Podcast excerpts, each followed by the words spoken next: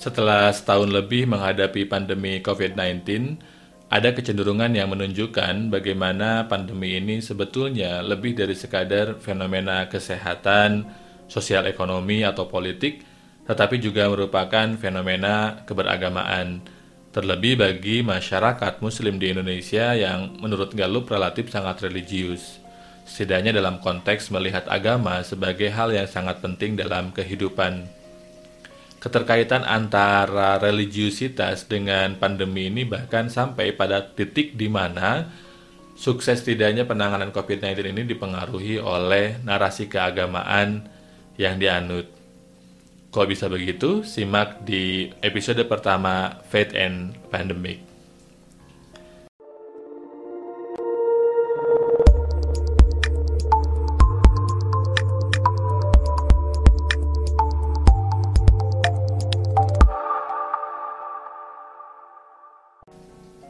Assalamualaikum warahmatullahi wabarakatuh.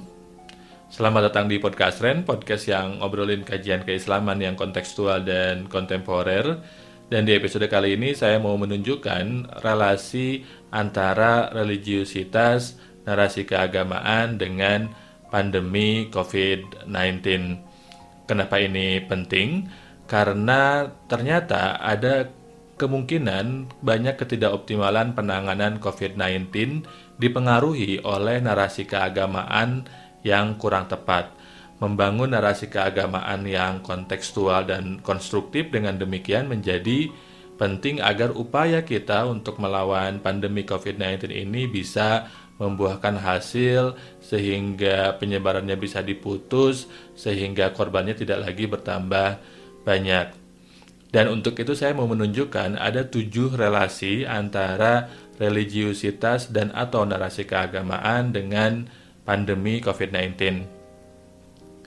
Pertama, perlawanan terhadap pandemi COVID-19 dapat dilihat sebagai pengalaman beragama karena mau tidak mau pandemi dan dampak multidimensinya bersentuhan atau bersinggungan dengan pengalaman keberagamaan. Kita masih ingat betul bagaimana ketika pandemi ini menyerang, mewabah secara cepat, ada banyak tokoh-tokoh agama, tokoh-tokoh Islam yang mengingatkan kita untuk menguatkan kembali doa dan hijib kita. Misalkan hijib yang diijajahkan oleh Hadratus Syekh Kiai Haji Hashim As'ari kemudian dibacakan oleh para santri. Likhomsatun utfi biha harol wabail hatimah Al-Mustafa wal Murtado wa benahuma wal Fatimah. Atau juga misalkan Gusmus sempat juga membagikan doa yang diwariskan oleh Rasulullah kepada kita. Bismillahirrahmanirrahim la yadurru ma'asmihi syai'un fil ardi wala fis sama. Dan seterusnya banyak sekali kemudian upaya batiniah yang diajarkan kepada Kia untuk melengkapi upaya lahiriah kita dalam proses melawan COVID-19 setidaknya atau minimalnya dengan mematuhi protokol kesehatan. Kedua, narasi keagamaan mempengaruhi respon kita terhadap pandemi COVID-19 dan itu bisa positif maupun negatif. Misalkan ada yang secara sempit menafsirkan tawakal sebagai pasrah sepasrah-pasrahnya kepada Allah sehingga kemudian dengan penafsiran yang sempit tadi dia mengabaikan protokol kesehatan karena berpikir bahwa hidup dan matinya dia hanya bisa dia tawakalkan, dia pasrahkan sepasrah-pasrahnya kepada Allah Subhanahu wa taala. Padahal jelas sekali Rasul dulu menegaskan bagaimana tawakal harus ditaruh setelah ikhtiar dan doa dilakukan. Rasul pernah memarahi orang yang tidak mengikat untanya ketika akan masuk ke suatu majelis karena menganggap bahwa dia bisa bertawakal atau memasrahkan nasib untanya kepada Allah. Kata Rasul, ikat dulu untanya, baru setelah diikat, kamu tawakalkan kepada Allah nasib untamu setelah itu. Ketiga, narasi keagamaan juga mempengaruhi strategi penanganan COVID-19. Contoh paling sederhananya adalah soal kehalalan vaksin. Dalam konteks vaksin, kehalalan menjadi sangat krusial karena dia akan menentukan bersedia atau tidaknya muslim di Indonesia untuk e, divaksin. Kita ingat betul bagaimana sebelum vaksin muncul, banyak sekali beredar kabar, beredar narasi terkait vaksinnya tidak halal, dan seterusnya sehingga MUI dan para ulama bekerja sangat keras untuk merumuskan dan untuk meyakinkan orang bahwa walaupun misalkan vaksin mengandung unsur yang tidak halal atau ada proses yang tidak halal dalam kondisi pandemi, dalam kondisi wabah, dia tetap bisa digunakan karena untuk menghindari kemafsadatan yang lebih besar. Keempat, narasi keagamaan ini mempengaruhi respon kita terhadap strategi penanganan COVID-19. Ambil contoh, pemerintah pernah memperlakukan PSBB pembatasan sosial berskala besar yang berdampak pada tidak bisa dilaksanakannya Jumatan selama beberapa minggu di beberapa masjid. Kita ingat betul ada sebagian muslim yang memprotes, yang memaksa ingin sholat Jumat, ada pula yang kemudian membangun narasi bahwa COVID-19 ini adalah upaya untuk melemahkan Muslim karena menjauhkan Muslim dari masjid.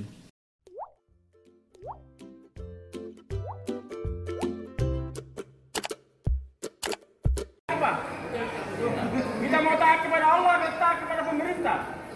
Allah menjelaskan lewat lisan nabinya la ta'ati bi makhluk ila masyiatillah. Tidak ada kepada ketaatan kepada makhluk dari makhluk kepada makhluk itu bermaksiat kepada Allah. Betul itu Pak, kalau tidak ada masalah seperti ini Pak, ini kan namanya. Nah, jadi kalau puanya penyakitnya Pak berkepanjangan. Disebabkan tidak sholat Jumatnya di sini langsung Allah serang semua penyakit. Apakah sholat Jumat akan ditinggalkan untuk selamanya? Iya.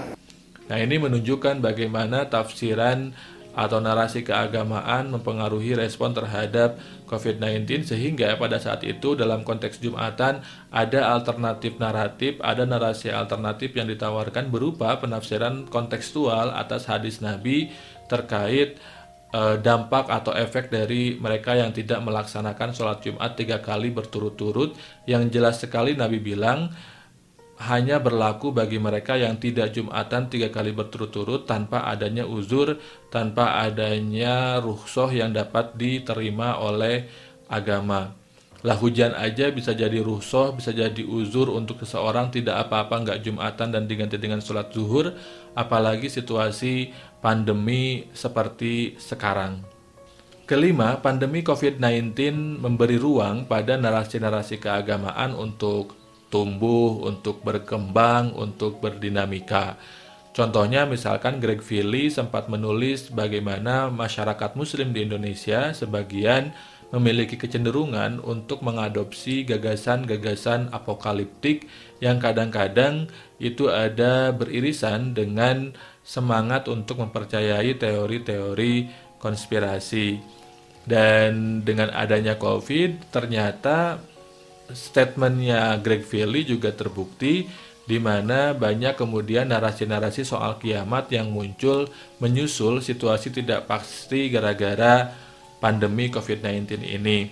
Misalkan sebagai contoh saya pernah membaca riset dari Institute for Policy Analysis of Conflict yang dia bercerita tentang bagaimana ISIS dan jaringannya ada yang kemudian memilih untuk tidak melakukan aksi jihad dalam versi mereka karena mereka khawatir sebentar lagi akan kiamat.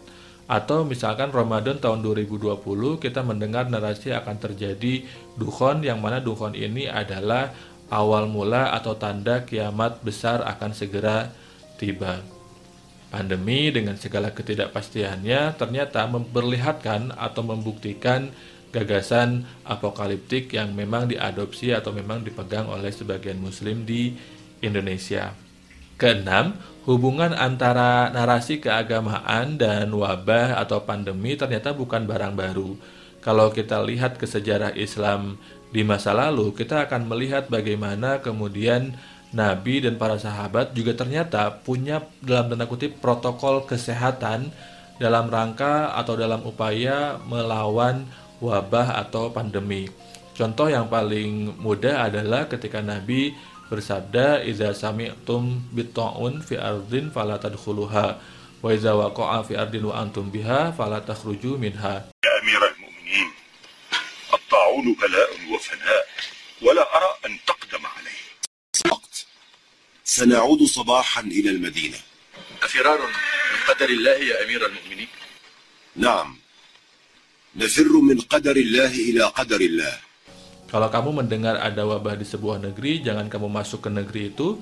Kalau kamu ada di negeri yang sedang terjadi wabah, maka kamu jangan keluar dari rumah. Dan sesungguhnya apa yang disampaikan Nabi ini selaras dengan prinsip lockdown, dengan prinsip social distancing atau physical distancing, dengan ajakan untuk di rumah saja sehingga kemudian agak mengherankan ketika ada yang menganggap bahwa upaya-upaya penanganan COVID-19 ini yang membatasi jarak, membatasi kerumunan dianggap justru malah melemahkan Islam.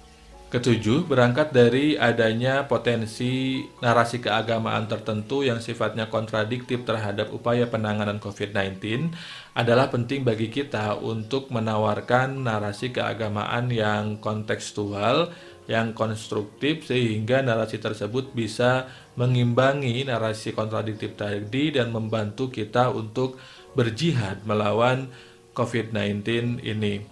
Agar kita tidak menjadi orang yang tulku biaidikum ila tahlukah menjerumuskan diri kita sendiri oleh tangan kita kepada kehancuran. Membangun narasi alternatif yang sifatnya kontekstual ini juga penting agar kita menjadi sadar bahwa semangat beragama ini harus ditopang dengan pengetahuan, dengan nalar, dengan kesadaran bahwa seluruh syariat ini berorientasi pada makosid syariah yang salah satunya itu berupa hibzun nafs atau memelihara keselamatan jiwa. Tidak hanya diri kita sendiri tapi juga orang lain. Dan upaya membangun ini dalam jangka panjang juga kemudian menyadarkan kita betapa Islam sebetulnya bukan agama yang memberatkan, Islam adalah Hanifiyah Samhah, agama yang sangat toleran, yang sangat mengakomodasi situasi dan fleksibel dalam menghadapi tantangan, sehingga kemudian Islam tidak bersifat kontradiktif atau tidak bersifat mencelakakan kepada umatnya. Semangat beragama dengan dilandasi pengetahuan dan kesediaan untuk melakukan kontekstualisasi itu yang perlu kita tumbuhkan dalam jangka pendeknya dalam upaya kita melawan pandemi COVID-19.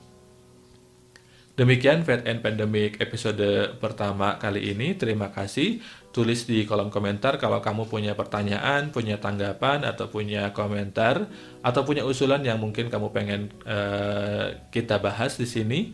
Terima kasih. Konten ini didukung penuh oleh uh, Australia Global Alumni. Terima kasih. Wassalamualaikum warahmatullahi wabarakatuh.